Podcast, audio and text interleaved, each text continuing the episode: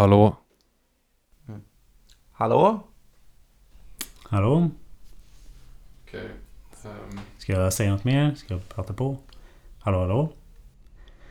Idag så åt jag... Eh, vad åt jag i morse? Om jag pratar så här, ja det blir ganska bra ljudvolym på mig då.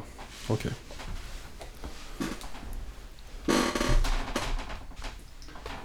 Alla stora knallar extra mycket. Ja,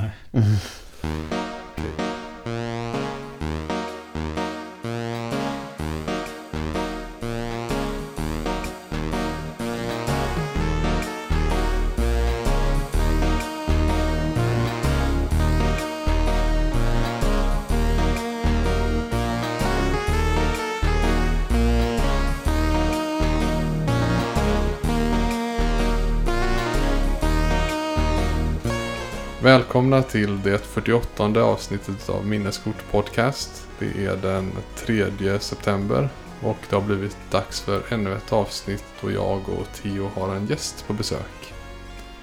Den här gången heter gästen Resa. Och eh, ja, välkommen hit Resa. ja, tack, tack. Och vi ska alldeles strax gå in på vad eh, du eh, håller på med. Eh, och det kan vi nästan säga på direkten. Men ehm, hur är läget först? Jo, men det är ganska bra. Så här, men, hyfsat bra dag här i Göteborg, skulle jag säga. Om jag mår ganska bra. Ja. Ja, skulle jag säga överlag är det, är fint. Ehm, så du är ju här i egenskap utav att dels så jobbar du just nu och har jobbat länge inom spelbranschen. Mm. Och eh, vi kan ju börja lite eh, bakifrån och fram helt enkelt.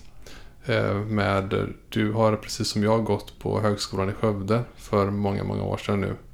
Och där läste du speldesign. Precis. Det känns nästan som ett, eh, liksom ett annat liv. Det var så länge sedan. Ja. Ja, ja det var det verkligen. Och eh, därefter, jag vet att du gjorde några ska man säga, små gig åt de då mindre företagen. Några av dem kanske har blivit lite större nu. Mm. Ehm, om jag minns rätt så hjälpte du till med level design för ett spel som heter Sanctum. Precis. Åt eh, vad som då hette Coffee Stain också va? Exakt. Ja. Och Coffee Stain är ju nu mera kända för kanske framförallt eh, för några år sedan där när eh, Goat Simulator släpptes. Och sen håller de även på med ett spel som heter ja, jag glömmer alltid. Ja, det är någonting Factory. just det, Satisfactory. Så är det. Så är det. Och eh, men därifrån blev det alltså, det här var väl runt 2012 va? Ett ganska snabbt eh, hopp till the real deal om man säger så. Rätt in i AAA-branschen. Mm. När Ghost öppnade upp i Göteborg. Mm. Alltså en EA-studio. Och då var det väl tidigare så att Criterion utvecklade Need for Speed. Som blev Ghost flaggskepp då. Ja, exakt. Eh, De fick ta över liksom eh, facklan. Dit fick de. Av Need for Speed-franchisen. Okej, Ja. precis så var det. Och eh, det blev ett par släpp här i Göteborg. Va? Två stycken. Jag kommer ihåg... Eh, Oj. Fyra släpp. Fyra, okej förlåt. Jag kommer ihåg det första i alla fall. Eh, ehm, som var för dig då. Mm. Och även för Ghost antar jag då. Och sen även var det något... Eh, jag kommer inte ihåg vad det heter. Men kanske runt 2019 eller något sånt där kanske. Mm. Precis. Det var ju vårt sista spel. Ja. He- Heat. Hit. Mm. För där har jag det för mig. Det var ju... Jag kommer ihåg att jag ville nämna för dig det. Att eh, det var någonting som hade blivit eh, kritikerrosat. Någon funktionalitet där. Jag kommer inte ihåg vilken det var. Men så visade det sig att det var det som du hade jobbat på mest tror jag. Mm. Det är så här, nu, man, är, man har nästan förträngt eh, den tiden. Man har Ja. lagt den bakom sig. Men jag tror att det var mycket med... Alltså, vi jobbar ju... Mitt team jobbar med handlingen av bilarna. Hur de körs och sånt. Och, Mm. Och vi... Till det så var jag eh, väldigt mån om att man skulle få in att man kunde byta mo- motorer mellan bilarna. Och därav motorljudet och sånt. Mm. Och jag tror att det kanske var en funktionalitet som många tyckte om. Att det liksom, du kunde ta en motor från en Ferrari och lägga in den i en, liksom en bubbla. Ja. Och liksom även få Ferrari-ljudet in i en bubbla. Och det var många som eh, uppskattade det. Okej, okej. Men... ehm, tänker... Eh, och nu i och med att eh, Criterion, eller Ghost lades ju ner här och så flyttades det väl tillbaka till Guildford då antar jag. Mm. Så eh, sökte du dig vidare. Det kanske inte var officiellt men det var en kort session på Fat Shark också. Ja, precis. Ett, ett år på Fat Shark. Ett år på Fat Shark. Mm. Och de utvecklar Vermintide bland annat va? Mm. Eller var det- var, precis. Vermintide 1 var ju deras första stora spel. Mm. De hade gjort något, några andra spel in, sen innan det också. Sen släppte de Vermintide 2 som blev ganska hyllat. Och så var jag med och eh, var med och designade och hyll, eh, utvecklade eh, Darktide. Som var liksom deras Vermintide men i 40K-franchisen i sci-fi-rymden. Just det. Och det passar väl dig ganska Mm. väl. Kanske kommer in på det sen men du är väl mer än måttligt intresserad utav Warhammer och kanske miniatyrer och sådär. Lite grann så. Jag har hållit på med det. Alltså det är också en sån sak. Man, man glömmer av ibland hur länge man har hållit på med vissa saker. Det har liksom Mm. alltid bara funnits med som en hobby i bakgrunden. Men Mm. eh, det, man, eh, det känns nästan som att Warhammer alltid funnits någonstans i mitt liv. Liksom, Mm. I hela mitt liv. Ja, Jag, jag tänkte inte på det men du och jag känner ju varandra privat också såklart. Men jag har ju varit i en del olika lägenheter du har bott i under Mm. åren. Och nu när jag var i ert hus senast, det var först då det slog mig när allting stod framme. Bara, Oj, var det ett så, så pass intresse? Ja, precis. Det är ofta undangömt när man är yngre och du vet man ska dejta tjejer och så här. Vad är det i den här lådan? Nej, det är ingenting. Men eh, ja, nu så... eh, Ja, det, det, man har ju blivit äldre och vill ändå ha fram med det. Liksom alla, allt som har målat, all tid som man lagt ner på det. Är det fint att lägga upp det. Exakt, ja du ser ju här. Mm. Nu när vi börjar närma oss så kallad medelålder så finns det inget att skämmas för längre. Nope. Men, eh, och nu då så har du och som jag förstått ett par ex-ghostare kan man säga Mm, startat er egen spelstudio, precis. Eh, här i Göteborg har vi. Som Ja. heter the Sky. Och så mycket som jag vet så jobbar ni på någon form av IP som är nytt men såklart eh, under sekretess. Precis. Det, vi, det vi kan säga är att det är ett tredjepersons action adventure-spel. Mm. Det är det informationen vi kan säga än så länge. Mm. Och jag har hållit på med det ungefär två år nu ungefär. Två år. Mm, ungefär. Eh, så det får vi hålla ögonen och öronen öppna för. Mm. Det är ju, jag vet att ni har, du visade något Instagramkonto men det var ganska tomt än så länge. Ja, det är, det är väl som typ alla så här indie-spelstudior. De bara om vi ska lägga upp jättemycket på sociala medier. Så börjar man ganska, vet, eh, börjar ganska bra. Men sen så inser man att eh, man kanske borde ha någon som håller på med det 100%. En liksom, utvecklare ska posta saker och utveckla saker samtidigt. Det, det, blir, det blir ganska jobbigt att splitta den här fokusen. Så ja. Det känns som att eh, oavsett om det är jobb eller hobbygrej så det här eh, minneskort så gjorde vi väl, vad var det, vi släppte tio avsnitt direkt där i början av, var det 2019? Ja, Och sen dess är, har vi alltså, det här blir 38 avsnittet. Eller vad? 48 tror jag. Ja men efter det, 38 Ja, ja, okej, efter ja, det. Eh, över nästan fem års tid. Ja. så man går ut hårt. Ja, men, så, exakt, exakt. Det brukar ofta vara så. så här, nu, nu ska vi göra en, en bra mark. Här, alla ska märka och veta om vilka vi är. Men sen så dör det ut ganska snabbt också. mm. Det är, det är ju det. Man märker ju som sagt att det är, man, att hålla på med sociala medier och community. Det är ju verkligen det är ett heltidsjobb. Det är så himla mycket att göra. Det är inte bara att posta en bild. Utan liksom, ni vet liksom, det är inte bara att göra ett Mm. avsnitt. Det är så himla mycket preppsaker för att liksom få ut alltså, en, en liten sak. Så mm, snabbt märkte vi att vi, vi har inte liksom tid för att kunna lägga ut så mycket information. Nej. Oh ja, så är det ju. Det, den här podden brukar ursäkta sig i början med att livet har kommit emellan. Och det var väl även så att jag tror du var egentligen den första tänk, påtänkta gästen för lite över, ja det är tre och ett halvt år sedan. Ja, Men nu blev du av i alla fall. Ja, så det är precis. kul. bättre sent än aldrig. Ja. Hur, hur många är ni i det här teamet förresten? Just nu ska vi se. Vi har anställt lite personer men ehm, allt har inte kommit upp på hemsidan och Instagram. Men vi är nog 13 tror jag. Är vi. Eh, så vi började var vi 6 och nu har vi vuxit till 13 personer. Men vilka positioner är det då? Är det mest att ni är tekniska eller? Ja, alltså så vi har ju en eh, som är CEO som är liksom, eh, vad ska man säga, han är projektledare och CEO. Mm. Eh, sen är det jag som är design director. Eh, och så har vi en till designer som, alltså vi, vi två jobbar väl kanske alltså som creative directors tillsammans. Och han, men han jobbar mer på narrativt och UI-bit och sånt. Men Mm. även... ehm, och sen har vi tre programmerare.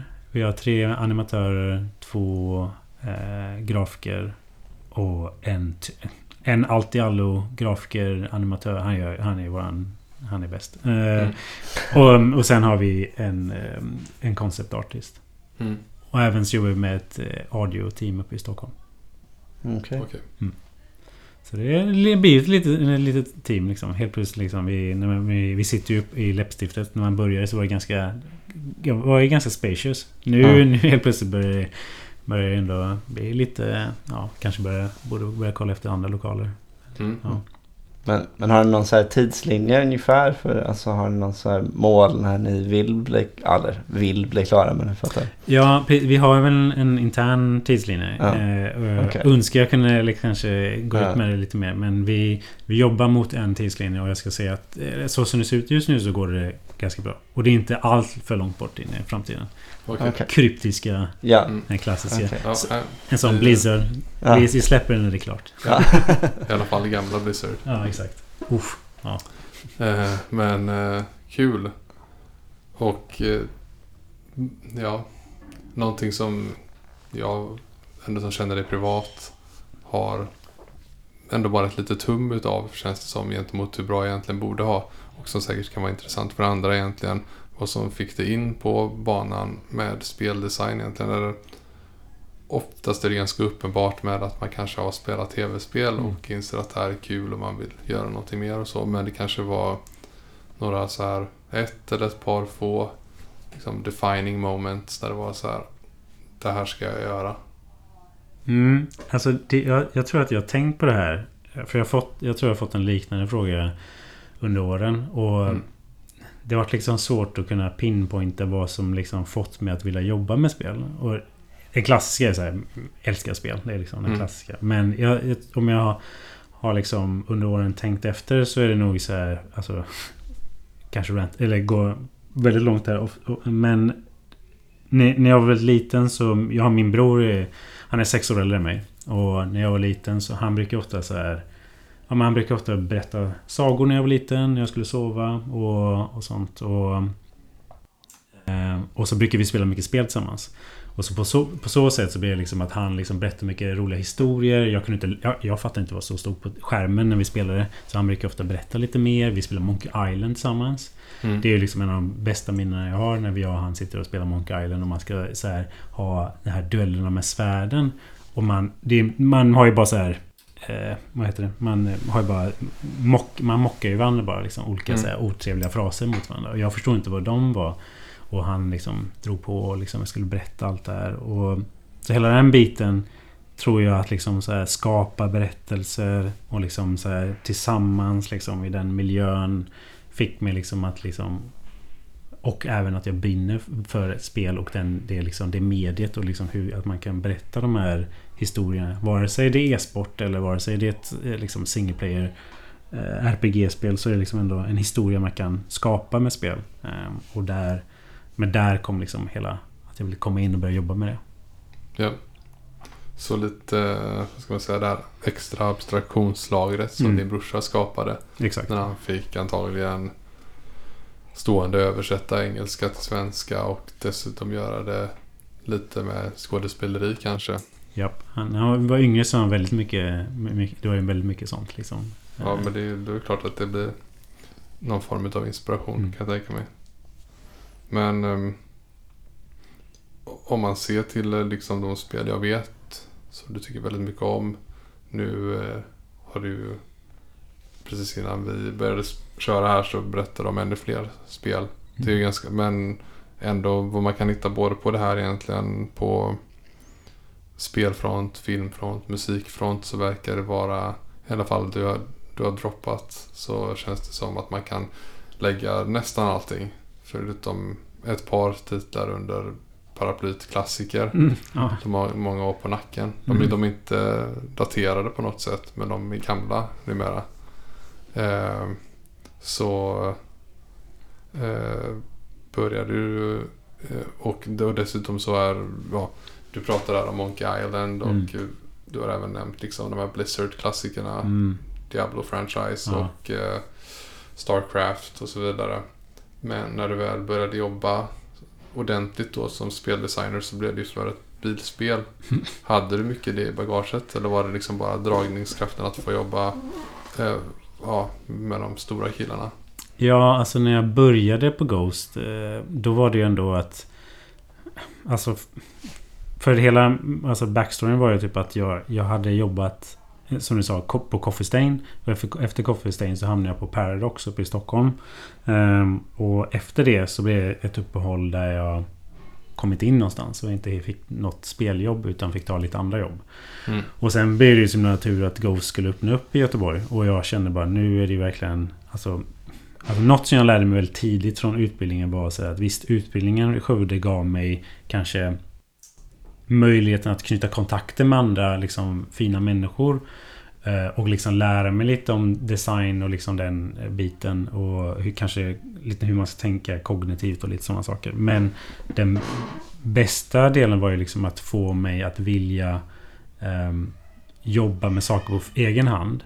Mm. För att liksom för att kunna förbättra mig, mina skills för senare ta mig vidare. Och då Mm. kände jag att om, om jag tar den här möjligheten på Ghost.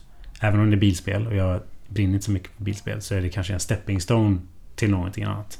Mm. Ehm, och då kom jag in där som så här, content editor som det heter, så fint. Det vill säga, om, jag vet inte om många känner till spelbranschen men content editor är ju ofta liksom de gruntsen liksom, får göra allt allt det inte så roliga jobbet som alla andra inte vill göra. Typ placera saker i världen, bygga små eh, eh, liksom funktionaliteter som, ja, mycket, mycket gruntjobb. Mm.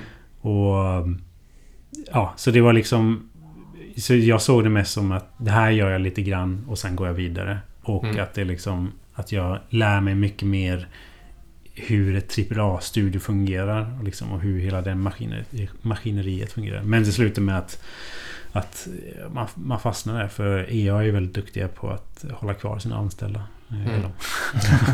är de.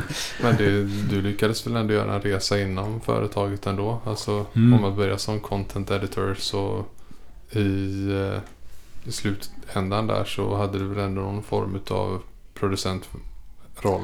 Ja, eh, det, precis. Så, eh, så resan var ju till pris som du säger. Det var ju från Content Editor när man fick liksom... Första spelet som vi släppte, Rivals. Jag blev ju kallad för Roadblock-resa. Och det Mm. var liksom alla roadblocks som man kunde... I spelet kunde man placera ut roadblocks som polis. Och alla de behövde, behövde placeras ut manuellt i världen. Även om det inte syns så var det så manuella spawn points. Mm. Som, och, och då skulle då placerade jag ut dem och det var ju liksom så här Jag minns det, typ 250 stycken. Det låter inte så farligt men det var ganska jobbigt. Och sen byggdes världen om 18 gånger så man fick placera om. Ah, skitsamma. Eh, eh, och därefter så blev det att jag, började jobba med bilfysik och bilhantering. Och, eh, och det var jättekul att jobba med det teamet och de designerserna. Och sen efter det så fick jag komma över och ta över mer progressionsdelen. Liksom. Och det, där kände jag att nu, nu börjar jag känna att jag börjar komma in i något element som jag verkligen brinner lite mer för. För liksom så här att, att skapa en resa med resa, nej förlåt. Men, men skapa en resa eh, inom ett spel. Att liksom bygga upp en intressant progression. Hur man utvecklas som spelare. Och i det här fallet en bil, hur den utvecklas. Det, var liksom, det, det tyckte jag var väldigt intressant. Mm. Och sen så gick jag över till liksom progression och sen ekonomiansvarig. Och sen slutade jag med att, att jag fick liksom vara eh, liksom, ja, vad ska man säga, lead designer för feature-området. Hela handling. Mm. Hela bilhandlingen och progression och ekonomi. Ehm, Så det var ju i slutändan så var det ganska mycket ansvar. Ehm, Mm. Som det var väldigt kul men eh, Ja, det är som sagt inte min favoritgenre men väldigt lärorikt i alla fall. Okej, ja. ja. men det är väl... Komma från den positionen så får man egentligen vara tacksam antar jag för vad den är för spel. Ja, ja verkligen. Det är... um, Alltså... Jag, jag, jag skulle nog säga alla som ska vill börja med liksom spel liksom, och Man måste ju börja någonstans. Det är liksom, man kan inte börja på liksom sitt så här, drömspel eller drömföretag. På den tiden var det Blizzard som man ville jobba på.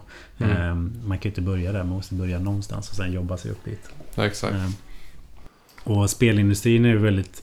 Som många andra in- industrier men det är väldigt... Att, att komma in i spelindustrin är ju väldigt jobbig. Mm. Eh, och det är liksom att... För att de vill ha duktiga människor som jobbar med. Det är ju liksom självklart. Men liksom en nyexad person. Hur ska man visa att man är duktig? Ofta brukar det vara så här, ja men visa vad du gjort tidigare. Mm. Men jag kan inte visa något tidigare om inte jag börjar jobba hos er och liksom så här. Och då är det Mm. därför man börjar liksom kanske jobba lite indie. Och kanske då i det fallet kan man inte göra tillräckligt bra kvalitet som indie för man liksom inte har all kompetens. Och sen så blir man liksom sågad på det. Så det är väldigt... eh, Det är en liten ond cirkel att ens Mm. komma in i spelbranschen tyvärr. Men det är väl Mm. också, nu vet jag inte exakt hur det är, men eh, med EAs egna titlar. Mm. eh, Så de jobbar väl i Frostbite, tänker jag. Och det är väl ingen sån här öppen grej, eller? Nej, nej, det är verkligen inte. Och, eh, vilket gör det ännu svårare Mm. om det är just där EA som är det enda stora huset i stan. Ja. Eh, så var ju fallet här i Göteborg då. Och även i Stockholm så är det liksom, du har DICE. Och så sen vet jag inte hur, eh, vad är det, Avalanche finns väl där också. Mm. Och Fat Shark och så vidare. Men eh, ehm, Ja, för i EAs fall så blir det verkligen svårt kan jag tänka mig om det är det som ska vara ingångsporten. För jag har ju sett folk som har börjat jobba för typ eh, Bethesda eller Mm. något sånt där. Ja, men så, och inte har någon erfarenhet tidigare så kanske det rör sig om att de har liksom suttit och gjort en mod eller någonting som var så himla bra. Så, ja men precis. så och det det- blir liksom som en integration utav någon som redan Mm. har varit inofficiell personal ungefär. Exakt. Och det, det är så himla fint när det liksom kan ske sådana saker. För liksom deras motor Mm. är ju öppen och man kan modda det. Och liksom Mm. på så sätt visa upp. Ehm, men det krävs ju väldigt mycket som du säger. Att liksom komma in på ett stort företag som EA och jobba med liksom deras, eh, deras spelmotor. Och liksom överlag. Som designer är det också ganska svårt. För det, är så här hur vad är min portfolio som designer? Det, det, ofta kan man som en artist visa upp att kolla den här 3D-assetsen kan jag bygga eller den här animationen kan visa. Man kan visa upp en ordentlig portfolio. Mm. Men som designer är det så här Det är ju väldigt svårt att bedöma mig som designer. Ut, så här, ja, men vill ni att jag ska skriva en text? Eller så här, Mm. vad, vill ni att jag ska göra för att liksom ens visa att jag är duktig på det jag är? Ehm, Mm. så det är även, då blir det även ganska svårt. Då måste man nästan gå mer på referenser och det är det man kan få genom att jobba inom ett, ett, ett företag. Ja, jag tänker Mm. att eh, jag menar inom min bransch som utvecklare så kan man ju oftast om man, det finns någon osäkerhet så bara ja, men gör ett kodtest då. Exakt. Men det kanske var enklare i EAs fall om det hade funnits en tillgänglighet för Frostbite. För då hade man kunnat göra typ så här. Ja, här har vi ett projekt. Det är lite stökigt. Typ. Mm. Kan du organisera det eller någonting? Ja, exakt. Mm, Ja, tyvärr så är... Eh, nu ska jag inte eh, prata för mycket dåligt om EA. Men eh, det, det som... Det är ju... Deras mentalitet är ju mycket... Det är ju amerikansk kultur som Mm. de är liksom. Och där är det ju eh, mycket så här att... Att om vi läcker saker, inte läcker saker, om vi ger ut för mycket saker så kan det hända... Alltså, du vet, det kan hända dåliga saker och i slutändan så kanske det kan leda till en stämning. Eller du vet, Mm. du vet man vill Mm. alltid safeguard alla, åt alla håll. Medan här i Sverige, om det hade varit en egen motor på ett annat företag så hade det kunnat vara mycket mer eh, öppet. Jag tänker för typ så här eh, Epic till exempel Mm. som har Unreal 5. Mm. Så som jag såg det nu, för jag satt och kollade bara över någon kväll för en, två månader sedan. Att bara lekte med idén om jag skulle börja göra någonting i en motor. Mm. Så här, vad ska jag välja så här? Ehm, och då kom så här. Typ Godot, Mm. en, Engine eller det. Mm. Unity. För att jag visste att det fanns community-versioner och sådär. Och Godot är ju open source liksom. Så där kan man göra hur mycket man vill utan att behöva tänka. Men då snackade jag med en annan som också jobbar som eh, spelutvecklare. Och han sa men du kan köra, om du har en bra dator, kan du köra Unreal 5. För att eh, de har något program nu som är att gör ett spel färdigt och klart, sätt det i produktion. Och så var det typ den versionen var i alla fall typ helt gratis tills att man tjänade Exakt. en viss summa pengar på det. Exakt. Och det, det tycker jag... Jag tror att Unreal har tjänat så himla mycket på det. Ja, det är därför jag tror att de också är, är liksom... Har gått om Unity. För Mm. att eh, alltså de har försökt göra det mer... De har insett att ju, ju öppnare vi gör det och ju mer liksom, användarvänligt gör vi ju mer människor kommer vi få in och där kommer, där, och där kommer pengakassan börja rulla liksom mer. Det får, kommer in, Mm. och, och det som du säger ju den här indie... Den heter något, jag har glömt vad den heter. Men att precis det är om du går över en viss summa sales så tar de 5% tror jag att det är. Och sen om du går över ännu en högre summa så är det upp till 10% av liksom salesen. de tar. Ja. Och det är ju jättefint. Att Ja. man, ja. Men det, de spelmotorerna håller väl på att stå lite inför det här.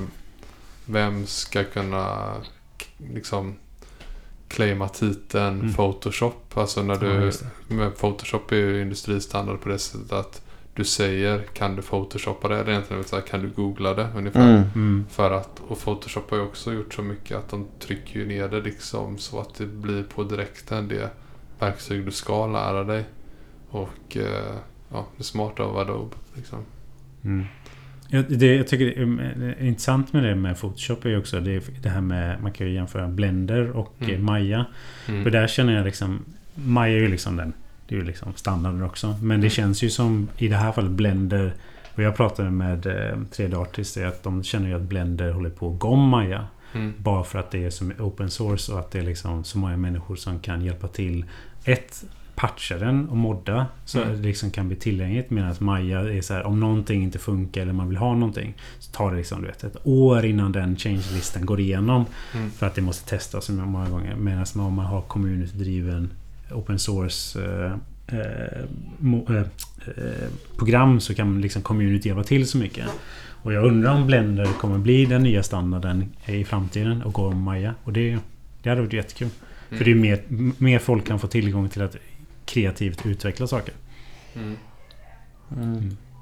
Ja, men det, jag tittade även då på, på, på 3D-motorer och verktyg samtidigt. Samma sak som jag kollade för 2D och så. Och för 2D blir är Photoshop ganska liksom ohotat. Men just där, där har jag nog bestämt mig oavsett innan att det kommer att bli Blender liksom för att eh, eh, det är för mycket pengar att lägga för ett litet projekt på Mm. Maya-licenser och så vidare. Mm. Eller om man kör eh, vad heter det, 3D Max Ja, eller just vad man nu det. Mm. Men okej. Ehm, så mycket klassiker Mm. hi- hittar man om man gräver i dina favoriter. Mm. Och det är inga konstigheter i det egentligen. Men eh, bland annat, och vi har ju nämnt några speltitlar. Vi hittade även, eh, när du nämnde några nyare. Det var ett som min syster har spelat. eh, En del vet det som heter Grim Dawn. Mm. Det är väl Ja. inte så gammalt va? Nej, gud, när kom det ut egentligen? Alltså, du, jag, vill inte säga, jag vill inte säga ett år för då kommer Mm. någon bli väldigt Ja. arg. Men Ja. jag, anledningen till att jag tycker om det väldigt mycket är för att det, jag skulle säga att det är det bästa Diablo 2 eh, ARP-spelet som har kommit efter Diablo 2 skulle jag säga. Mm. Det är liksom, för mig utklassade är liksom Diablo 3, Path of Exile, Diablo 4. Mm. Det är liksom, och det är studier på 10 personer som gjort det. Och det fantastiskt. bättre än Torchlight. Ja, det tycker jag. Mm. Eh, jag tycker det är bara... Det, det har den här retro-känslan som Diablo 2 hade liksom. Mm. liksom. De har gjort liksom det som Diablo gjorde. Ja, vi har ju konstaterat här i podden att eh, bara man tittar på Diablo, eh, ja, det andra spelet i serien, så eh, grafiken behövs inte göras bättre. Utan det är verkligen bara den här eh, ja, perfekt eh, designade eh, Jack Vegas-designen. Mm. Alltså bara Exakt. slakta och loota. Mm. Men jag tror också det finns något i det att... Att det liksom... Vad ska man säga? Progressionen i spelet, hur du spelar, är väldigt intressant också. Som första spelare, att man liksom börjar på normal. Och det är liksom... Det är ganska okej, folk är fina, de dödar dig. Sen kommer du till Nightmare. Och där liksom blir helt plötsligt... Får fienden liksom affixer. Där blir liksom svårare, de blir resistant. Och sen kommer du upp till liksom Hell och det är ännu mer. Det är liksom den... Den progressionen i svårighetsgrad, hur de gör i spelet. Eh, jag, jag, vet inte hur väl balanserat och designat det var. Eller om det var av misstag att det blev så. Men det känns väldigt smooth när man spelar genom spelet. Hur man liksom möter liksom svårighetsgrader i den här liksom trappan liksom, och tar sig igenom spelet. Och det är för mig liksom känner att jag liksom hela tiden stöter på ett motstånd. Jag måste mm. hitta bra items. Jag måste liksom tänka om.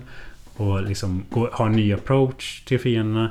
Och även liksom för ett spel som kommer ut var det 97 eller när det kom ut. 99, jag minns inte. Men ja. ja. Men hittar det spelet, alltså för det är lite roligt. Vi pratade ju om Diablo här i podden för att mm. det var med på, vilken lista var det det kom upp från?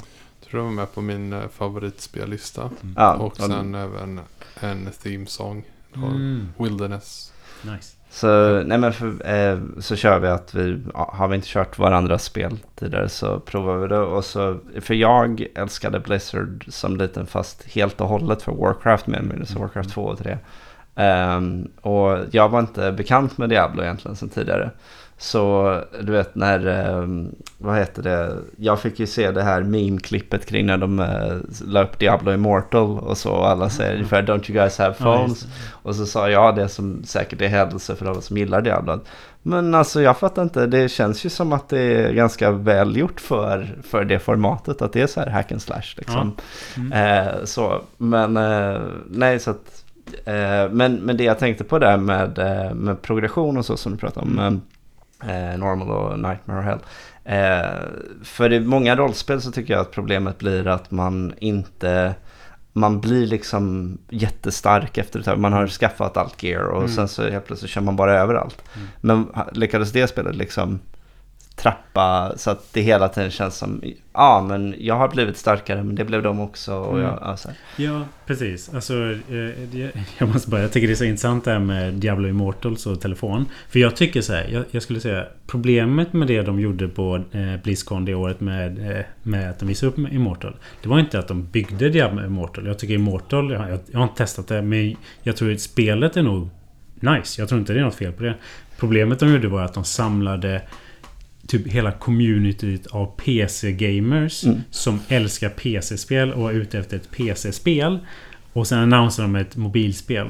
Och det är liksom så här, Det går liksom inte ihop riktigt. Så de, jag tror där clashar det verkligen hårt. Mm. Men det med eh, progressionen i Diablo som är intressant är till exempel om man... Nu, nu kommer jag slänga ut massa ord. Nu kommer jag, så här, men om man spelar som en så kallad JavaZone i, i Diablo. Det är liksom Amazon-klass som kastar spjut. Och då är det klassen att man går och kastar lightning-spjut. Eller elektriska spjut. Och efter ett tag så kommer man stöta på fiender som är immun mot lightning. Mm. Och det är så här, hela min bild är att jag ska göra lightning-skada men nu är de immuna mot det. Då måste jag liksom hitta på ett sätt att liksom ta sig runt det, den mekaniken. Och det är så de liksom kastar de här curveballsen på en. Att man liksom så här, Men Hela min värld raserar liksom. Jag kan inte göra någonting just nu. Men, men det finns alltid metoder att ta sig förbi det. Och det är liksom det de liksom, jag tycker de har gjort det ganska bra. Och det är det som sätter också så här um, käppar liksom i hjulen hur man spelar. Ja. och så blir det även det här Grim Dawn då? Att de löser ja, liknande? precis. Ja. för jag tycker det är lite som du säger med att det här att man, att man blir för stark för spelet. Mm. Det känner man sig nog aldrig i... Eller aldrig kan säga. Det finns de som kan utnyttja Diablo 2 och Grim Dawn på väldigt bra sätt. Men liksom när man spelar igenom det för första gången. Då liksom känner man så här. Okej, okay, jag, liksom, jag är liksom... Vad ska man säga? Jag matchas hela tiden mot spelet. Jag mm. matchas hela tiden min gear och min skill mot spelet. Och det är aldrig så att nu känner jag mig jättemycket bättre än, än spelet. Och spelet känns aldrig jättemycket bättre än mig. Utan man liksom hela tiden går liksom neck to neck liksom med liksom hur, hur mycket skada man gör. Eller hur survivable man är. Och ibland så måste man helt, helt plötsligt så möter man en fiende typ. Och okay, nu måste jag tänka om vad jag har för gear på mig. Och det tycker jag Grim Dawn och Diablo gör väldigt bra.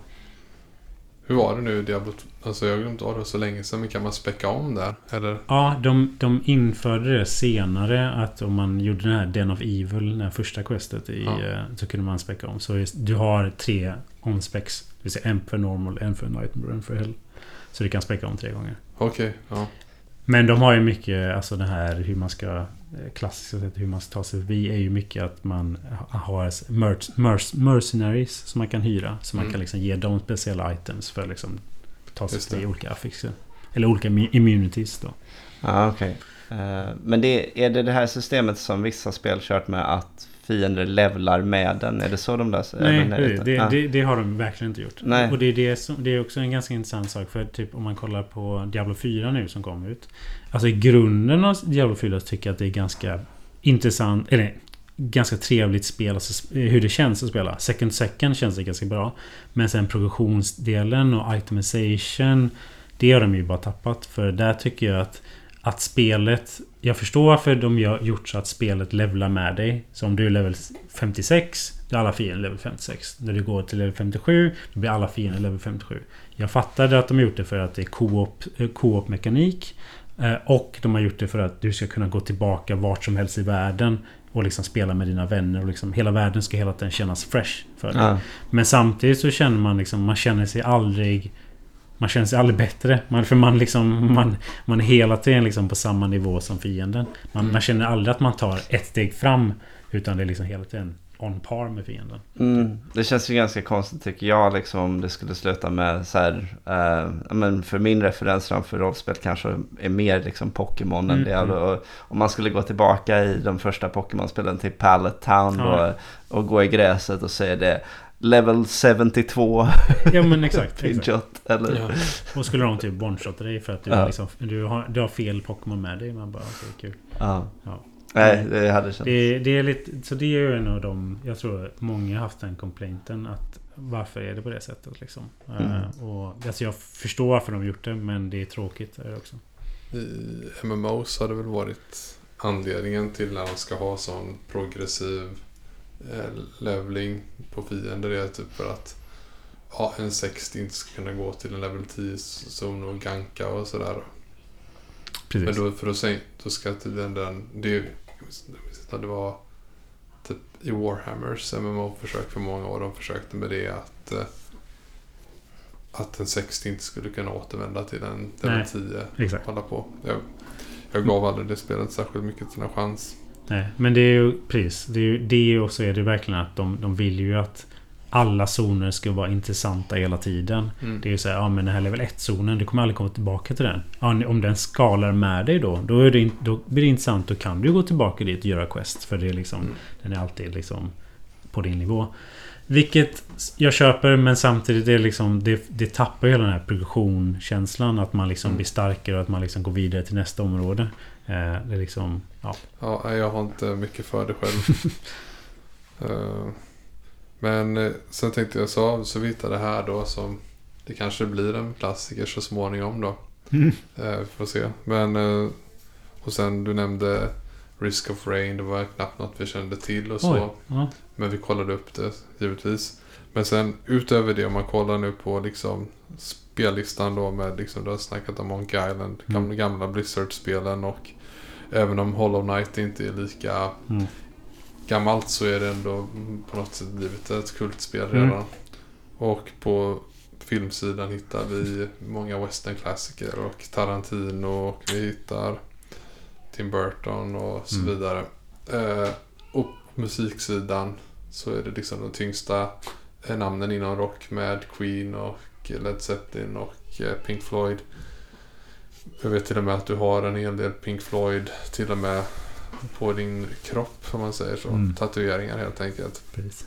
Ja. Och eh, så Theo och jag funderade lite på det. Känns ju som att eh, om mycket av favoriterna ligger där Mm. så tänkte vi väl höra med dig när var liksom om man bortser då ifrån de här två som vi nämnde Risk of Rain och Grim Dawn som kanske är nyare. Mm. Men man kan, vi kan ta filmer eller serier eller m- musik och så. När var, om man ser till datum, vad var liksom det senaste som du tyckte var minst lika bra eller i alla fall riktigt bra? Eller ligger mycket av det bästa i det förflutna? Oj. Och hur kände du liksom? Hur, Det är så intressant för jag, alltså, jag pratade med det här med en eh, kollega på jobbet just alltså på senaste tid. Alltså, ett, nu har jag barn så man liksom det här med Mm. film det tyvärr har jag liksom hamnat vid sidan om. Men det är så här. Jag är ju också Alltså det är så här... Serietidning-nörd. Jag tyckte om att läsa Marvel när jag var mindre. Så när Marvel kom ut så tyckte jag oh det här är spännande. Men det är liksom det man ser nu för tiden. är liksom Marvel slänger ut filmer till höger och vänster och nu vill man bara... Nu är man trött på dem så inne.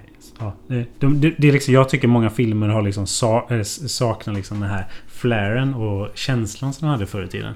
Nu Mm. kanske det låter som jättegammal eh, gubbe när jag säger så. Men... Jag har lite svårt att komma på en film som jag sett nyligen som jag wowades för verkligen. Mm. Eh, Det är därför jag kanske stannat lite i the past eh, med eh, filmer. För för mig är liksom så här öppningsscenen i One- Once upon a time in the West som är typ så här en 10 minuter utdragen scen där de bara introducerar landskapet. För Mm. mig är det så här, det är, det är så himla vackert. Mm. Och liksom bara liksom Bara bygga upp den här miljön på det sättet. Det är så himla intressant. Mm. Och jag tycker många filmer Det är liksom så här Det känns som vi, Nu ska vi kräma in så mycket Vi kan i den här rullen På så kort tid som möjligt Eller så- mycket så Två timmar eller hur långt de vill Men och sen så Saknar de liksom essensen av filmen Ehm, Det är typ Jag minns när jag såg den här Tenant Mm. Eh, för mig så var det liksom så här Jag vet inte. Jag, jag, jag, Där tyckte jag han hade bara liksom tappat. Det, känd, det kändes som Där tyckte han bara speedrunna sin egen film typ. Och liksom han, han, det, det fanns någonting där. Men jag tyckte bara att det, det liksom, han kunde liksom Tagit bort så många scener Dragit ut på scener Introducerat saker Introducerat element eh, mm, Och ja Det är lite det jag känner att det här Hur det vi lever och är just nu Så är allt, ska allt ske så himla Fast paced liksom. Allt ska in snabbt och ut liksom ja, Och Tyvärr så vet jag inte om det var någon film jag sett nyligen som är... Och allt ska vara mycket content också. Ja, så att allting ska vara två och en halv timmar långt. Mm. Även om det är så här som du säger. Det ska gärna vara fartfyllt men rätt långt. Och så blir det det här. Jag, jag tycker också att man kan, eh, ofta kan gå tillbaka till filmer och tänka så här. Alltså det här var ju någonstans där inne fanns en väldigt bra film. Mm. Men det var säkert 40 minuter eller någonting som bara skulle ha så här, klippts eller gjorts om. Mm. Eller, ja. Ja men precis. Alltså det är liksom... eh, Ja, det, det, jag vet inte. Det, jag känner att det saknas något i filmerna. Eh, Jag vet inte vad det är. Det är någon känsla som jag är svårt att Ja. sätta fingret på. Ja, men det är intressant att höra för vi snackar ju om det på tu man hand i, i vår podd här. Om liksom dåtiden versus nutiden Mm. och framtiden och så vidare. Så eh, det låter ju inte helt olikt reflektioner vi har haft också. Nej, och sen så får jag bara säga det här med tio långa introscener av Once upon a time in the West. eh, Så är det ju också att, att det finns ju filmer som också tar det lite för långt också tycker jag. Som Mm. liksom så här, det är väldigt konstnärligt och det är så här, okej jag vet inte vad som händer i 30 minuter. Det, det finns ju liksom en fin balansgång Ja, också ja. mellan där liksom. Men, Absolut. eh, ja. Men just i de här... Eh, eh, tappar jag namnet här. Eh, Leone. Ja, Sergej Leone. Ja, exakt.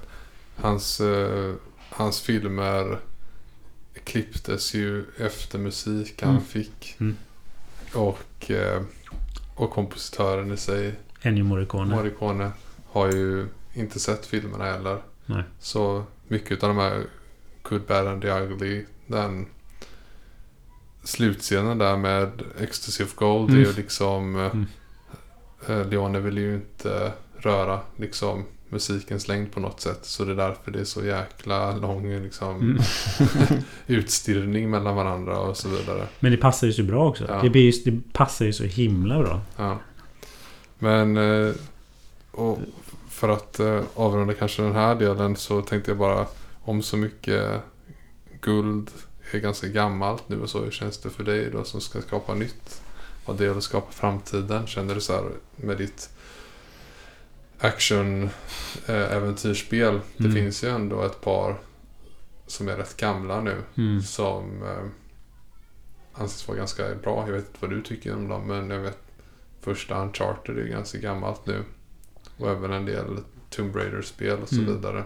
Nu kanske inte det är exakt vad ni kommer att Mm. göra. Men kan det kännas så här liksom att eh, man har ju alltid någon referensram i alla fall idag kan jag tänka mig när man gör spel eller musik eller vad som helst.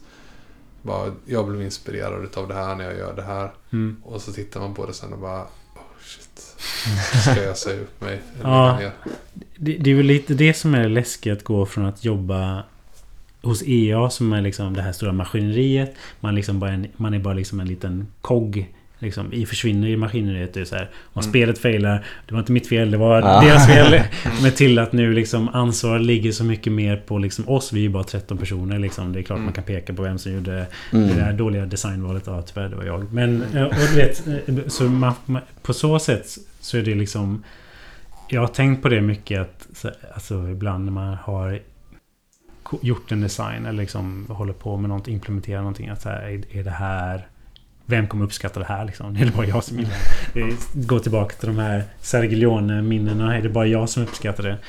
Ehm, Men jag vet, det är en väldigt bra fråga överlag. Jag försöker ju tänka så här att Alltså det finns ju så här, såklart många spel som jag tar inspiration från och liksom många äldre spel i mitt fall. Men jag vill ju även att det liksom Det ska inte bara vara retrokänsla. Det ska inte bara vara klassiska utan man ska ju även liksom Det finns ju många spel som släpps idag som Grim Dawn som släpptes inte för så många år, sedan och Hollow Knight också. Eh, som vi pratade om. Som har som har liksom en liten hommage till liksom de äldre spelen. De har liksom någonting där i som påminner om de gamla spelen. Eller någonting som lyfts upp av det. Och det är kanske den här essensen och känslan av de spelen.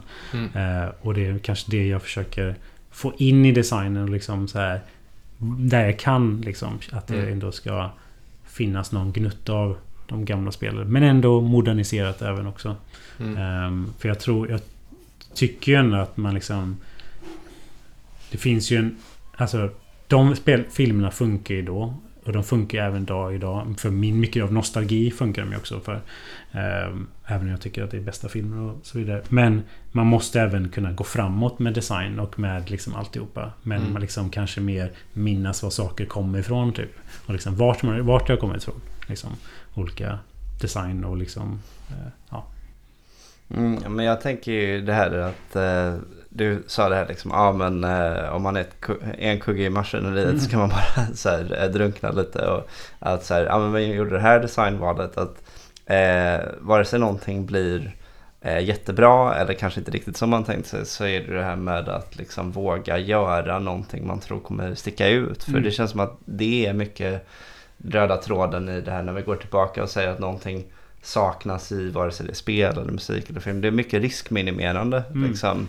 Man gör ännu en Marvel-film, ännu en Star Ja. Wars-franchise-film. Alltså för att det vet man är kassakor. Det är AAA-spel med sjukt stora budgetar. Och i musik så kan man ju säga så här, ja men bäst vi lägger på auto-tune så att det låter bra. Liksom. Ja. Så att, eh, men um, de spel jag tycker liksom lämnat avtryck på mig. Vi gjorde ju någon sån här topp 12 eller vad det var från senaste Ja, decenniet från, eller just det, något. från Gjorde vi någon- 10-talet. Mm. Från Våra 10-talet favoriter. så gjorde vi någon sån lista och så ja, men, flera av spelen jag eh, lyfter fram där är ju sådana som jag tycker kanske kan ta mycket av någonting från något gammalt. Mm. Alltså så Celeste till exempel Ja, var med på mig och har ju absolut en hel del retrokänsla men det är någonting med eh, den här enkla mekaniken i eh, liksom, ja men du kan bara göra det här extra hoppet Mm. åt olika riktningar. Det är en sån liten grej men det känns ändå ganska nytt för den. Mm. Och det känns som att det bästa är det som kan så här ja, ta lite från det gamla men förnya sig ändå. Precis, och jag tycker det är Celeste är ett väldigt bra ex- exempel med det här att de har det här Coyote-timen. Det är väldigt intressant att det är liksom att man... Man kan inte falla över... Man har en liten grace time innan man faller över en kant när man går ut över en kant. De har jobbat mycket med den. Det är liksom så här... Många äldre spel hade ju inte det. Nej. Eh, Och liksom hur de... Hur de det, det skulle jag säga är en sak som de har moderniserat i sin liksom... Eh, I sin eh, liksom, design. Och det tycker jag är jättefint och jättebra. Att det liksom, de tar en retro... Eh, retrospelkänsla och liksom det men liksom bara lägga till lite små ändringar och få det liksom att känna sig som att det, att det är liksom gjort nu. Ehm, ja, vi ska lämna den här sektionen en liten stund i alla fall för att fortsätta med en annan typ av eh, snack här i det här avsnittet. För det är ju så att det inte det vi har pratat om är inte de enda kvaliteterna du besitter. Du har även hunnit göra mycket annat under dina år och kanske jag fortfarande får vi se vad du säger. Men vi tänkte nämligen prata lite mer om e-sport och eh, Eh, I synnerhet kanske eh, kommentering kring e-sport och inte e-sport som själva begreppet att vara en spelare i det utan mer kanske åskådare och eh, som underhållning helt enkelt. För det är ju så att du även har en bakgrund inom det. Mm. Eh, på alla möjliga plan skulle man kunna säga. Jag vet att eh, som du får fylla ut här så får vi se vad jag kan och inte kan här. Men så som jag vet det så har du ju bland annat eh, kommenterat Starcraft tillsammans med en annan gemensam vän vi har. Det kanske var ett tag sedan ni gjorde det nu men ni har åtminstone gjort det och hållit på med det ett tag. Eh, eh, och eh, du rättade mig här förut. Jag är alltid på väg att säga Rocket League men det är ju Trackmania som är ett annat typ av spel eh, som du har kommenterat. Och sen då vad som kanske är framförallt intressant här och där andra kanske känner igen dig härifrån. Och det är också ett tag sedan nu, kanske 10 plus år sedan. Eh, så jobbade du för SVT som kan man säga e-sportsreporter eller Ja, spelreporter kanske. Eh, och det är alltid ett intressant samtalsämne för både mig och Theo. Vi har väl ett eh, intresse för eh, olika former utav e-sport och kanske även samma. Eh, som till exempel eh, senaste veckan har jag om kvällarna haft och även ibland lite så på eftermiddagar eh, igång. Vi pratade i förra avsnittet jag och Theo om eh, World of Warcraft Vanilla då, alltså Classic har ju släppt en hardcore version nu. Så då har jag och smygtittat lite på när profilen Kungen spelar. Och han lever fortfarande. Än så länge. Senast skulle han precis bli level 52 Ja. av 60. Så det, det går ju. Och det är väldigt underhållande så sätt han spelar. För att det är inte på ett tråkigt sätt. Han safear inte utan han kör YOLO. Mm. Verkligen hela tiden. Eh, så um, ja, hur, hur kom du in på den idén då? Med eh, att intressera dig för det här. Alltså så pass mycket så att det inte bara var att du som jag då kanske kollar en stream ibland. Ja, just det. Alltså, ja, e-sport det är också så här. Det är en sak som går tillbaka så otroligt långt tillbaka. Det är så här, det är svårt att minnas det vart det börjar någonstans. Men det, jag tror att det började någonstans där med eh, Alltså det OG CS liksom. Jag minns jag fick testa liksom så här betaversionen av CS för typ alltså det var ju typ en hundra år sedan typ. Och, och liksom därav blev jag intresserad av liksom Ja, men jag var redan intresserad av spel och nu var det liksom så här mer kompetitivt spel. Eh, och sen så eh, tyckte jag att det liksom så här Aha, kan man liksom spela mot varandra? Och så fick man ju höra liksom om Quake och alla andra så här, folk spelar liksom Age of Empires och så vidare. Och så vidare. Men sen så dog det ut lite grann och sen blommade det upp igen när jag hörde att en av mina favoritspel att det liksom var världens Alltså inte världens då Koreas största e-sportscen, det vill säga Starcraft eh, 1 med Brood War Att det var så himla stort. Jag bara shit, ja, jag har ju spelat i Battle.net lite grann. Det har ju varit lite kul. Men sen att det har blivit en sån grej. Eh, eller ja, att det har vuxit till att bli liksom så e-sportfederation. Det är liksom så här regler. Det är liksom, det är liksom kutymer. Det är specifika saker man ska göra i spelet. Liksom man, man säger good game, man, liksom matchen är slut. Och det är hela bygger upp den här hur man pratar med varandra. Det, är- jag börjar nästan rysa när jag tänker på det också. Men att... Och då var det... Då kom det tillbaka under... Innan universitetet men också under universitetet när vi... Eh, den här gemensamma vännen som vi pratade om. Mm. Vi började kolla väldigt mycket på e-sport tillsammans. Och då var det så här, vi kollade på YouTube och andra ställen på nätet där man kan hitta random-klipp. Från e-sportsmatcher i Korea. Där, där man, man, kommentatorerna var ju, det var ju bara koreanska kommentatorer. Mm. Man fattar ju ingenting. Förrän någon säger liksom vissa engelska ord och man ah, nu, nu vet jag vad de säger. Ehm, och liksom på så sätt så blev liksom det här intresset ju ännu mer. Att man kunde tävla och att det fanns liksom en scen bakom det. Och då började vi spela ännu mer och liksom så här och försöka organisera det. Och då blev jag, alltså hela det intresset att spela med varandra och mot varandra växte mer och mer.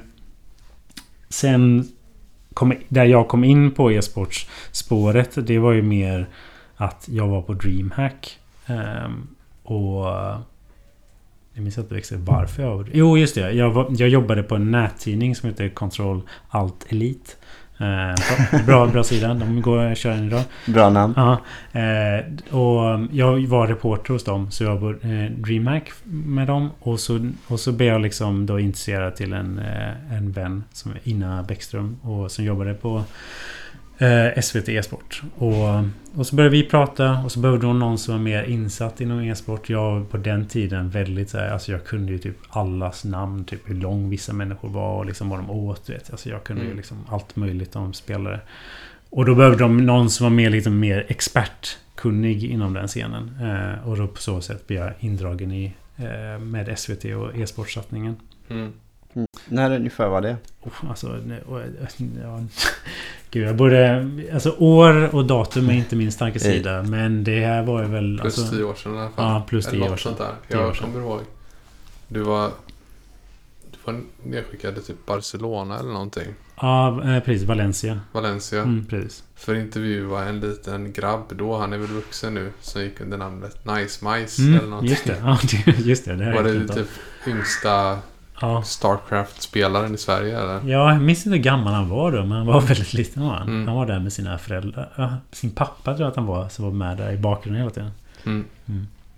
Men när, eh, när det var lite e-sportsatsningar så det var DreamHack och så. Var inte det under tiden det var mer Starcraft 2 snarare än 1? Som var stort. Eh, där runt 10, 11 eller vad det var. Det var, det var typ då Starcraft 1, eller Starcraft 2 började lansera något år. Om jag minns det rätt. Alltså, 2010 på våren spelade alla betan. Ja, och just sen det, kom precis. det senare. Så det var liksom precis liksom när det började komma över. Så tan- tanken var ju att då SVT e-sport skulle liksom fokusera på att sända Starcraft 2. Ehm, och sen senare gå över till CS och så vidare. Och så vidare. Just det, för det var ju vissa, det var ju ändå det här att eh, i högsta koreanska ligan så var det ju inte så många som var från andra länder och eh, ja, ibland var det ju svenskar med, Mm. för mig. Det var väl två som var uppe eh, och höll på lite. Ja, Eh, och, nej men, men, du, men ditt intresse var alltid mest ettan eller? Ja, alltså, det är också, alltså ibland, jag kan känna mig att det låter som en så här snubbe som sitter fast i liksom det förflutna. Men jag tycker att Starcraft 1 Brood War är mycket bättre än 2 till exempel. Men, men det är, det, det, jag, jag tror att det är liksom mer sån här lite... Eh, alltså lite hur e-sportscenen var uppbyggd tyckte jag. Och liksom vad man kunde göra och lite sådana saker. Eh, det fanns... Um, och hur spelet kändes. Det var liksom... Ja, det är, jag, kan, jag kan prata om det i flera timmar. Men, men ja, det är liksom där jag eh, fastnade. Men, men med att Starcraft 2 lanserade så var det ju självklart det. Det var ju liksom det nya fräscha. Då var man ju tvungen Ja. att liksom lära sig allt om det också. Ja, men det finns ändå en ganska stark parallell just där mellan 1 och 2 och något som jag har pratat om jättemycket i den här podden är Super Smash Bros Melee. Mm, ja. Och sen kommer ju då Brawl och sen Mm, där mm. fyran och Ultimate och alla de är ju så här, det är ju alltid det nya fräscha Mm. men ändå sitter man och spelar det här Melee liksom exakt. 21-22 år senare. Eh, och precis som med Starcraft 1 så är det liksom, det är, det är fortfarande ett sånt metagame som eh, utvecklas och så här, oj men det här hade vi aldrig tänkt på och så här. Och det är ju det är inte klokt egentligen. För Nej. folk har ju spelat det, de här spelen intensivt i över två decennier. Ja. Och de har ju, jag vet inte när sista patchen till ettan, till Brood War kom. Det men, var många år sedan. Ja, och jag menar, eh, Melee patchades egentligen aldrig ju, Nej, kan man säga. Eh, så att, eh, ja, nej det, det är bara, jag känner igen mig i det där liksom att sist måste inte alltid vara bäst. Eh, Exakt. Eh, Och det, jag tror... Jag tror bara att, så här, att eh, Starcraft 1 var ett väldigt bra balanserat spel för att det liksom hade mycket av de här mekanikerna som kanske e-sportsmänniskor, de som kollar på e-sport är ute efter. Eh, som kanske Starcraft 1 eller Starcraft 2 tappade. Eh, alltså, och vilket gjorde mer allmänheten mer liksom... Eh, alltså få in nya spelare till exempel att när du startar en match dina, dina arbetare går direkt och minar. Mm. I Starcraft 1 så fanns ju inte det och då var det liksom så här. Då var det bara det att, att kommentatorer pratar om hur snabba och effektiva de är på att splitta sina miners, splitta och liksom gå till olika mining patches. Redan där, de första minuterna var ju liksom någonting att prata om. Medan i Starcraft 2 kan det ju vara så här, okej, okay, nu scoutar han. Det är liksom lite dödtid i början. Um, Det där blir nästan som skillnaden mellan om, om vi säger att 100 meter i OS skulle vara okej okay, men vi kommer låta er springa i 300 meter och sen så låter vi en kamera avgöra vilka era 100 snabbaste meter var. Mm. Det är ju inte så jätte jämfört med att stå i startgroparna och Nej, pang. Exakt, exakt. Så, så det är inte det riktigt samma grej. Precis. Och det liksom fanns mycket saker just i Starcraft 1 som man liksom Ja men alltså kunde utnyttja i början till exempel. Det var ju mycket så här. Eh, nu vet jag inte hur insatta ni är i Starcraft 1. Eh, men typ så här, det fanns ju någonting som kallas för Manor Pylon. Där Protoss kunde sätta en pylon i fiendens bas för att blockera deras miners och typ sådana saker. Och det är anledningen för att det kallas för Manor Pylon var för att det var bad manner att göra det. Typ sådana saker kom ju liksom upp och det blir liksom snack och det skapades liksom ett lingo, liksom ett community runt mm. det. Mm. Ja, nej, jag, jag har aldrig eh, varit insatt i sånt, men jag kan ändå känna igen att det är så här gamla... Ja, men du vet, så fort man spelat ett strategispel online så har man ju sett många så här, det, det man väl kallar degenerate ja, strategier. liksom. Ja. ja. här kommer du och du ska bygga en massa mm. torn runt min ja, bas precis, så att jag kan gå ut. Ja. Mm. Det kanske man inte vinner eh, VM med direkt. Nej, men, det... Eh, men det kan, ja, man förstår ändå att folk mm. väldigt ofta tänker utanför ramarna med sånt. Ja. Ja. Theo nämner ju här um, liknelse till traditionell sport. Mm. 100 meter och sådär.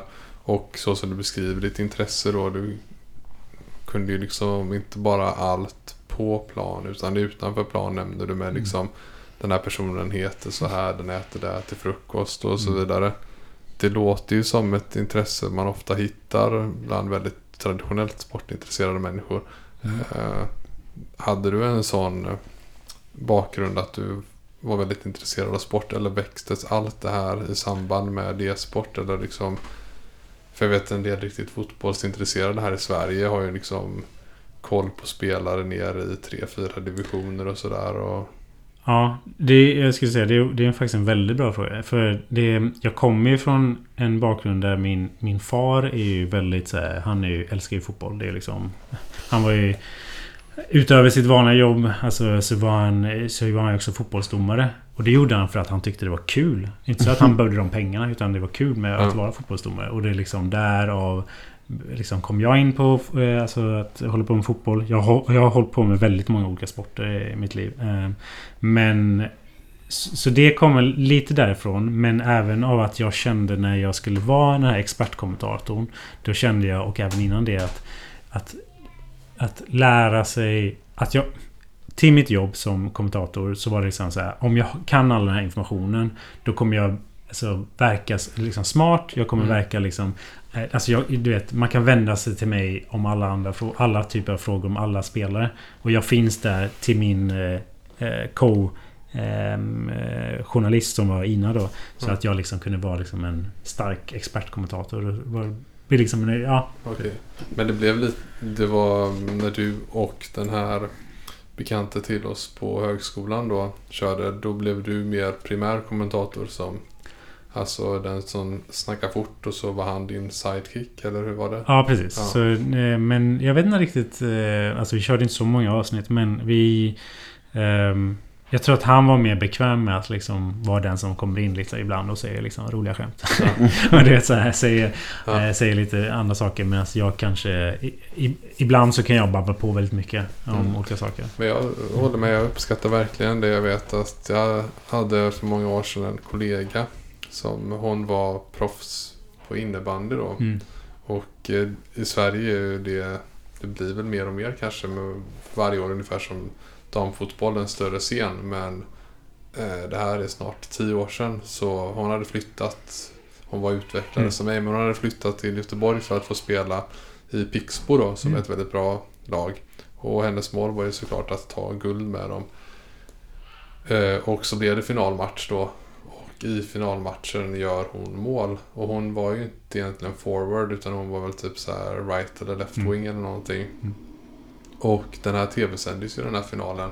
Och eh, eh Chris Härenstam mm. heter han väl. Mm. Ja, eh, ökände, eller välkände reporten som kan allt om sport. Eh, så, så som han beskrev henne, att hon klev fram och gjorde ett mål.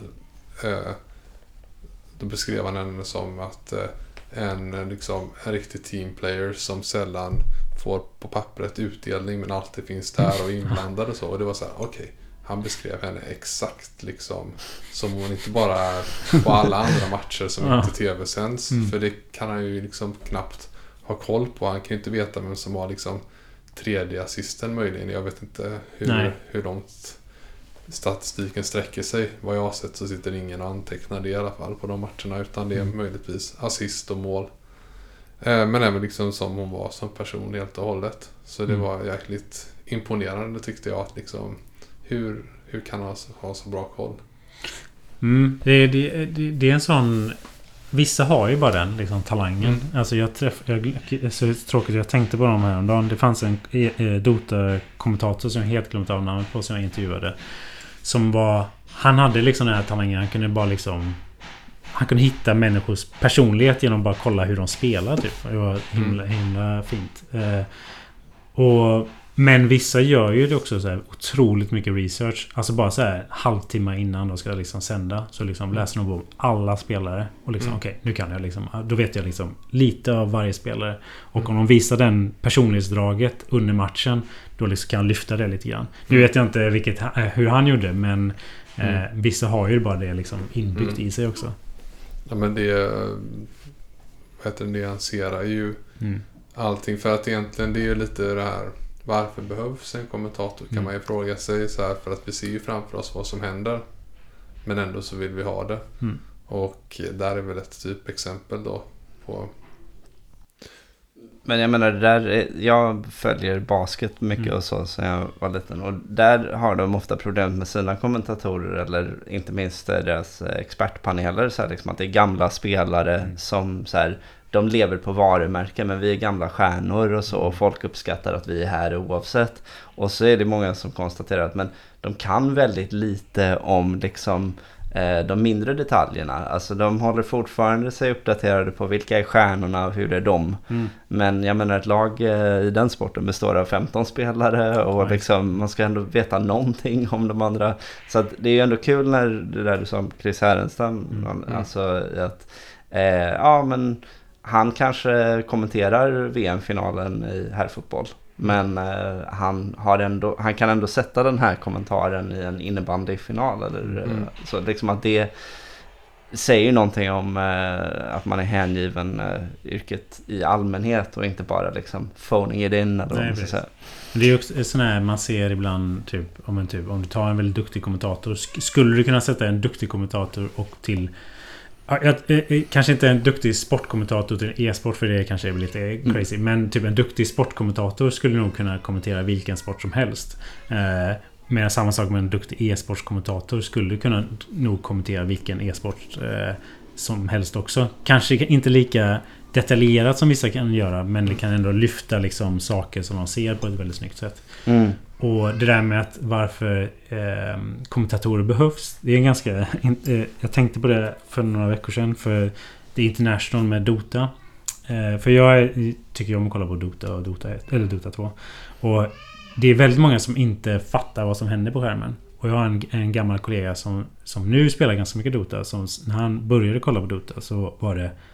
Han bara, jag fattar ingenting. Men så fort jag såg det International-finalen med han Toby, vad han minns inte vad han heter. När han skrek Black Hole och det, det bara, folk bara dog på skärmen. Och han bara, det här är det bästa jag har sett på väldigt länge. Det så liksom, men om inte han hade skrikit liksom, för det är en väldigt sån ikonisk eh, moment när han bara så här skriker liksom en stor spell och du vet bara folk dör, Mm. det bara exploderar.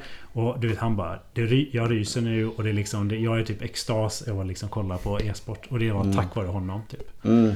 Ja, jag röst lite nu för det är ju TI2 då. Ja, och exakt. så, ja, jag vet vilken det är liksom så här. Där, Then there's the counter! Ja, och så där. exakt, exakt. Det är, och typ Ja. när, ja, men med eh, Alliance när de liksom... Eh, eh, om det var, mm, som sätter ner liksom Dreamcoil och liksom... Ja. Ja, alltså bara sådana moments är liksom... Och där är det ju liksom, eh, för Dota har väldigt, eh, det har ändå kunnat variera jättemycket i kvalitet tycker jag på Mm, kommentatorerna där. Men de som är bäst är ju verkligen så här, han som spottar ur sig grejer i eh, ja, 300 km Ja. i timmen, det är ju han OD Pixel ja, numera. Mm.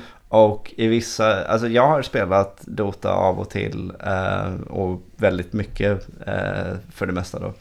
eh, i 20 år. Liksom. Mm. Och jag kan ändå sitta ibland och undra "Mm, vad, händer, Mm. vad är det egentligen som händer i den här fighten? För det är tio hjältar som alla gör sin grej Mm. och många ljussken och sånt. Eh, som gör det svårt att följa. Och då när till exempel han OD Pixel säger Men han kastar det här och sen gör det han Mm. Det är ju det som Det blir som att mina ögon kan ju följa fokus där, fokus där. Mm, Så att det, det är som det är ju som, egentligen är det ganska mycket som du vet den här klassiska frågan. Vad gör egentligen en dirigent? Han står ju bara och viftar med en pinne liksom. Mm. Det är ju de andra som spelar instrumenten. Ja, Mm. jag, jag, jag får nog ly- lyfta en sak som är, jag tror inte många tänker på heller. Som är så här, man, man pratar mycket om så här, spelarna, spelet och kommentatorerna. Men den, den personen man inte pratar och tänker på så mycket är faktiskt personen som styr kameran och musen och allt det. Det var, jag minns när vi höll på med SVT E-sport. Att det var en, ett, ett år där vi lyfte det här. Liksom, vem är bakom den scenen? Och det tycker jag också är en sån... Det är en sån otroligt jobbig roll. Att det är så här, du ska vara där action är. Du ska ha en sån fin liksom, eh, liksom eh, vad heter det, eh, inkapsla scenen där som händer. Och, med, och liksom få med allt som händer hela tiden. Och vara med hela tiden där kommentatorerna pratar. Mm. Det är sån otroligt jobbigt roll. Att det liksom vara en sån här live, jag vet inte, filmare på typ en så här. Det, det är som att någon springer vid sidan av en så här fotbollsmatch med en kamera och ska filma allt vid sidan av Liksom vid sidan av fotbollsplanen Mm. hela tiden. Ehm, så det är liksom...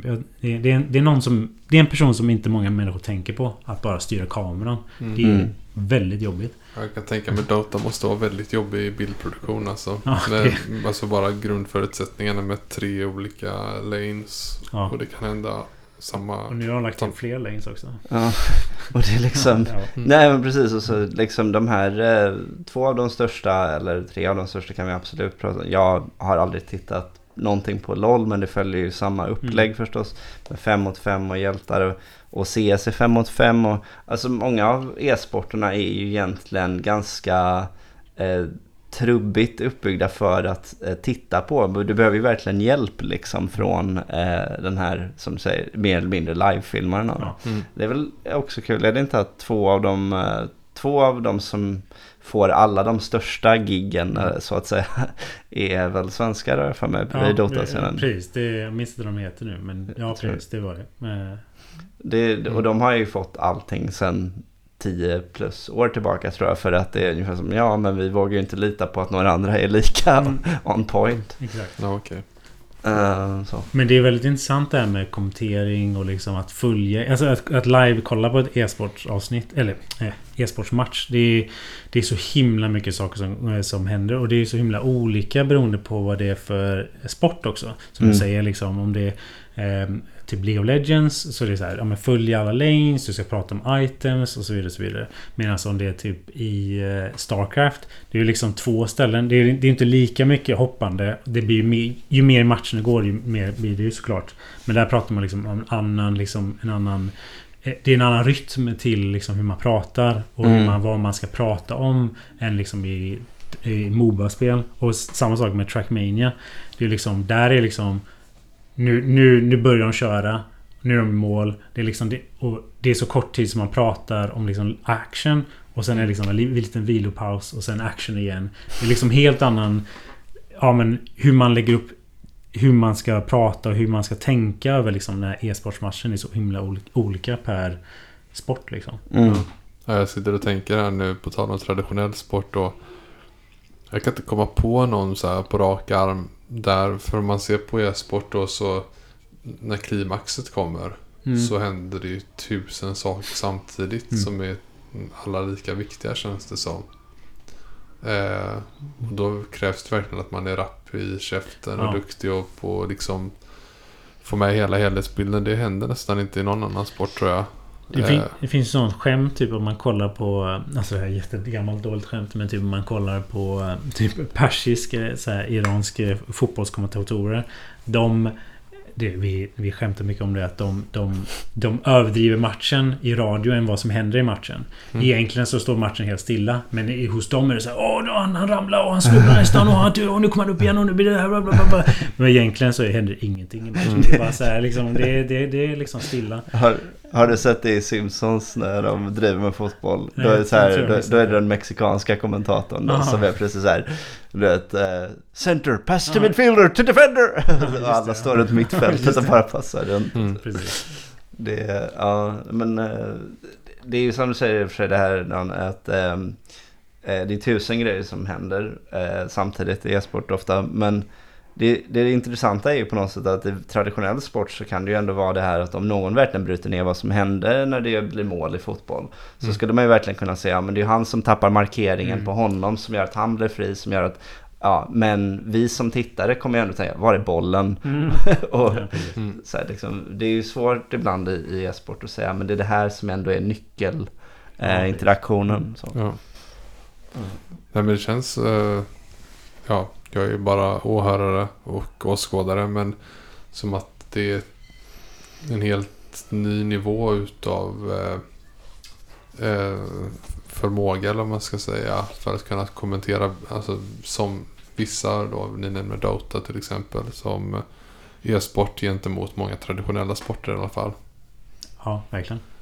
För någonstans som du säger där med fotboll så eller hockey eller vad som helst som har ett föremål som ska gå i mål så är det egentligen det som är det intressanta. Ibland kan de slänga in liksom emellanåt att längre bort ligger någon och håller sig och vrider och, Ja, och håller sig om knät eller någonting. Mm. Men annars är det bara det. Men det kan ju, Mm. liksom Dota har tre olika ställen minst där det kan vara liksom avgörande Mm. ställen där det är bråk på. Eller vad ska jag säga? Fight. Och, Det- eh, ja. För, förlåt, jag, jag skulle nog säga det är som att, eh, så här, tänk, att man skulle spela en fotbollsmatch med typ 10 bollar. Alltså, Mm. det är ungefär så här Dota. Det, är typ att, att det, liksom, det kan ju ske... Och Liksom, tio, tio mål. Ja men det kan ske så himla mycket olika interaktioner på så himla många olika ställen. Och samtidigt som typ det här stora, om ta Dota till exempel. Om det, om det sker ett jättestort liksom, eh, fight någonstans. Då Mm. kan samtidigt någon liksom hålla på backdoora. Det vill säga han håller på Mm. springa till deras bas och göra en helt, någon helt annan galenskap. Och det liksom, det. allt det kan ju ske på samma gång. Och då måste man ju liksom följa. Men Mm. med bildproduktionen där. Ja, det Ja, är, alltså det är mycket. är- Det är klart att det handlar om vem som styr den. Mm. Men jag tänker också vad den personen får för verktyg. mm. Jag menar om den har någon form av För att vara riktigt snabb tänker jag att man måste ha någon slags eh, sånt här clickboard eller man ska säga. Typ som st- ett streamingdäck ungefär framför Mm. sig. Och att du snabbt ska kunna gå till split screen och sånt. Ifall det blir en sån backdooring till exempel. Att några kanske pushar mid då i Dota. Och det ser ut som att det är där det händer. Liksom tonen går ner och så. Mm. Och de närmar sig basen. Plötsligt så kanske någon ligger på någon av de andra lanesen. Och pushar ner ton för ton för ton. Då är det ju på något sätt nästan lika intressant om man vill se båda istället Mm. för att kameran ska hoppa fram och tillbaka hela tiden. Mm. Hur bra är verktyg där idag? För jag kollar inte på sådana här. Det, det, ja, det är en bra fråga. Jag vet faktiskt inte om jag ska vara helt ärlig. Men jag vet att um, Overwatch la ju in mycket, eller försöker lägga in mycket så här spectate, så, mm, spectate-verktyg för att liksom kunna förstå vad som händer för FPS och alla kan använda abilities och det är liksom galenskaper. Men de lägger ju mer verktyg kanske inte att kamerarbeta utan mer typ du som åskådare ska kunna liksom urskilja vad som händer på skärmen. Mm. Eh, Men det här med att liksom byta kameraposition till olika ställen. Det tror jag är typ enklaste.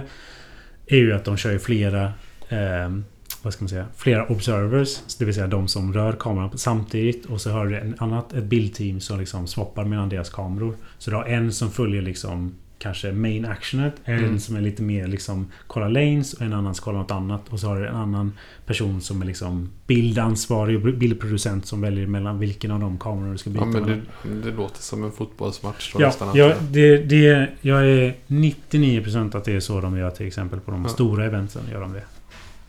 Men till exempel om du går tillbaka till liksom igen Starcraft 1. Det hade man ju inte riktigt de resurserna. Eller liksom, då var det liksom en person som satt där och liksom behövde göra allt det där. Mm. Och ibland även hade de eh, kommentatorerna själva skulle göra det. Eh, och det, var ju, det är ju väldigt jobbigt att liksom kommentera samtidigt liksom följa kameran. Eller styra kameran.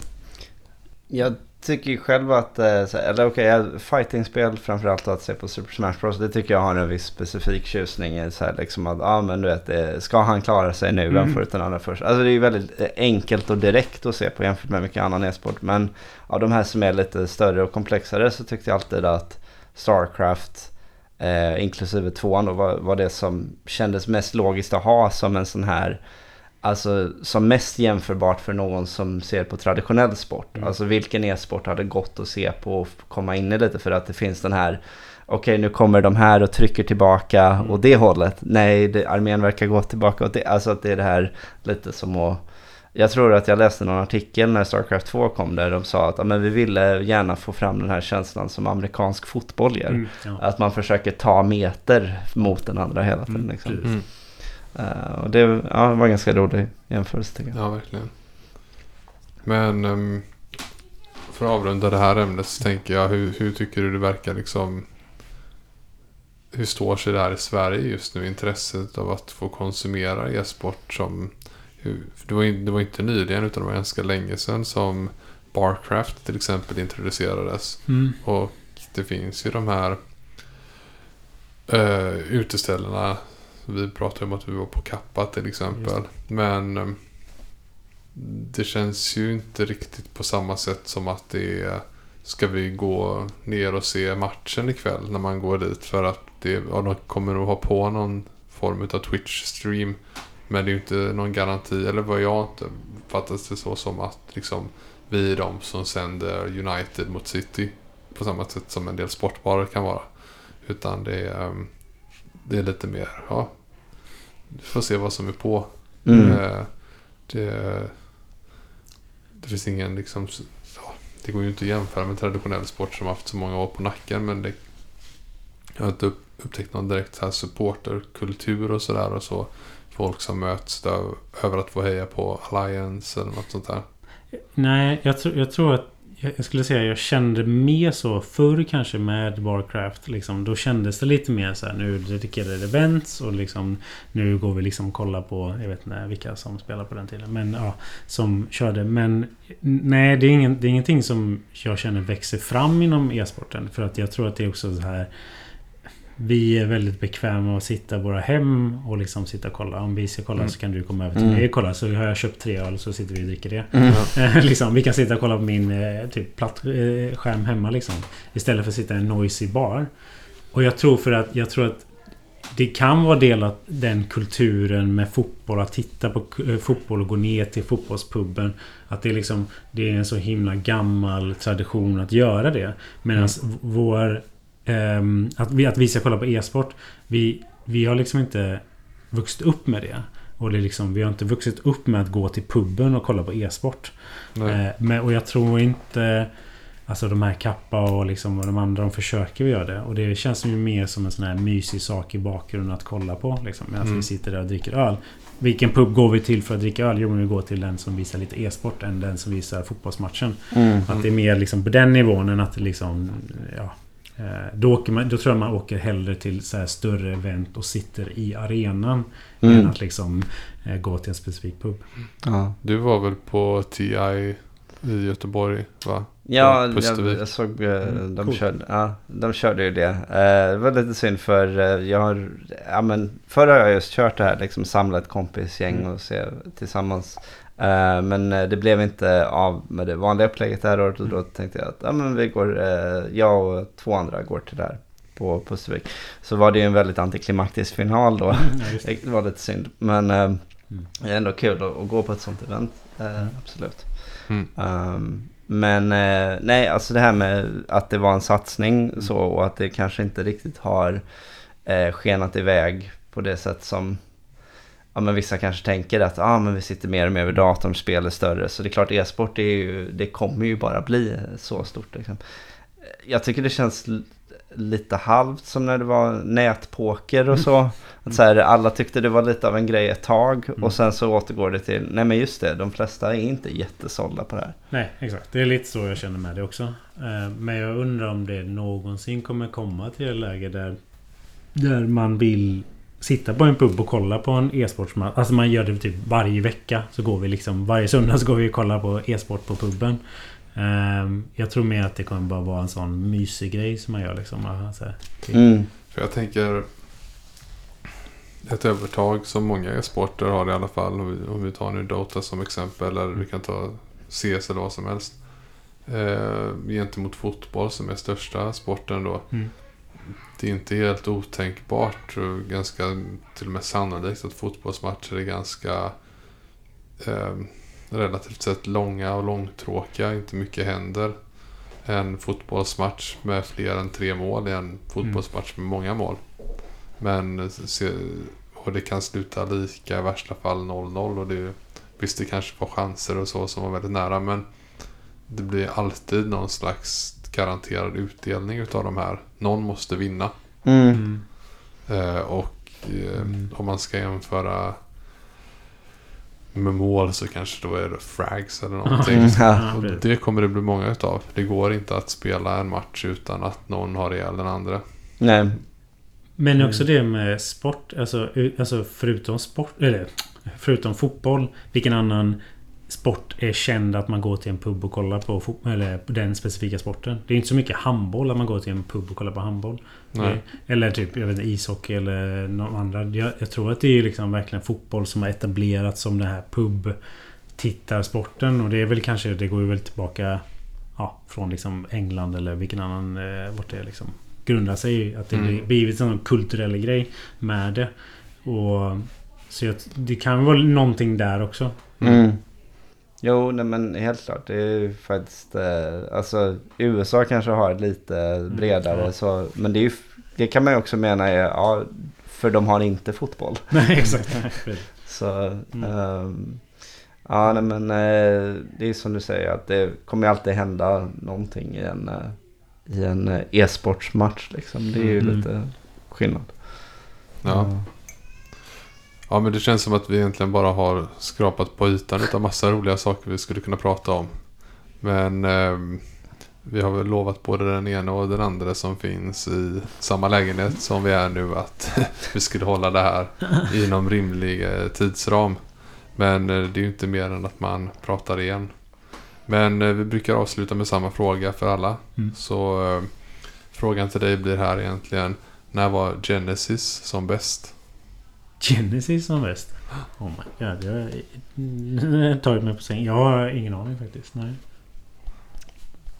Och eh, Det det, det ska tilläggas också att eh, vad vi, vad vi menar och vad vi söker för Mm. svar är upp till dig.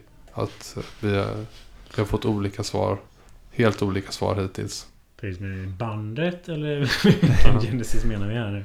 Det, ja, det är väl det som är eh, tanken då. Att, eh, att man kan välja eh, Det som vilken passar. Genesis man känner för. Vad som passar dig bäst att svara på.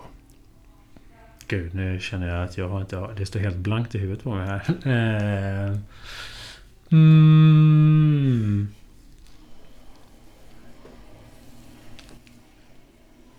Okej, man kan säga så här då. Vilken Genesis associerar du till i första hand? Ja. det- första jag tänkte på när du sa Genesis tänkte jag bandet Genesis. Ja, Och, det kanske, och du har ingen större relation Nej, till bandet? inte heller. Nej. Men, trots... Eh, Ja, Sega Genesis är ju liksom... Det ju, finns ju... Men det var ju tyvärr ingenting som jag spelar så himla mycket på. nej. Så- Men du gillade ju... Det ena behöver inte inkludera det andra. Men jag tänkte du gillar ändå Pink Floyd och så Mm. vidare. Men eh, du kanske har någonting emot Phil Collins eller... Nej, Phil Collins är väldigt bra. Alltså, vi kan ju lyssna på honom ibland. Men jag är inte någon som jag liksom så här heller lägger på minnet. Så. Ja, men du, är- du är ändå trots allt pappa så då, då lyssnar man väl på honom tänker jag. Är det så? Nej, tyvärr inte. Det är, det är min fru som lyssnar mer på honom än vad jag gör. Ja, okej. Du får ställa den frågan till henne tyvärr. Nej, jag, tyvärr så får jag lämna det blankt till nästa gång. Mm. kanske. Jag har inget bra svar där. Nej. Ja, jag har själv tyckt att det är så sjukt hur lika, den, alltså hur lika deras röster är, de som sjunger Genesis. Ja. Alltså att om man så här... Uh, uh, Mom, do we have Phil Collins at home? We have Phil Collins. Så är det Peter Gabriel. Ja. Ja, nej. Inget som tyvärr. Um, Det är, det är väl typ... Om, om jag tänker Hot är väl typ... eh, De gjorde väl en. Gjorde de Land of Confusion? Det var väl de som gjorde den låten? Var det Mm, inte? det, är- det stämmer. Så Ja. då betyder det vi den. oftast att eh, att du ställde dig på andra halvan av Genesis Ja, det är så pass. Ja. Ja. Det finns Eh, eh, tidiga och eh, senare Genesis då. Mm. Men sen så när jag tänker på Genesis så börjar jag tänka på Land of Confusion. Börjar jag tänka på Disturbed. För de gjorde liksom också Land of Confusion Ja, cover. cover ja. Och då börjar jag tänka på uh, Disturbed. För de, gjorde, de har gjort en väldigt bra cover på eh, Song of Silence. Och, ja, jag vet inte. Mm. Eh, jag tycker hans röst är väldigt bra. Disturbed-rösten. Ja. Jag tycker... Ja, Så- förutom det. Men eh, jag tycker den är lite tråkig faktiskt. men, eh, men jag tycker... Han har, det finns någon intressant eh, stämma där som är väldigt bra. Mm. Jag tycker nog ändå vi fick ett svar här liksom att via Genesis fick vi en hyllning till Disturbed. Mm, Ja. även Det- om det är ett band som inte jag lyssnar på. Så Ja. Disturbed i sig återfinns ju ofta väldigt mycket på eh, som bakgrundsmusik. Alltså Down with the Sickness Ja. då.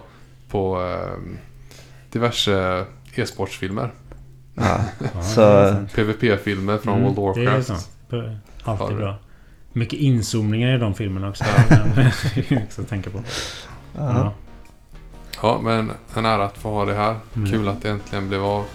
ja, en ära att vara här. Kul och tack för att jag fick komma. Ja. Eh, så eh, avsnitt 48 alltså. 49 nästa gång. Får vi se vad det blir då. Men eh, ja, stort tack igen. Mm, tack. Och, och tack alla lyssnare.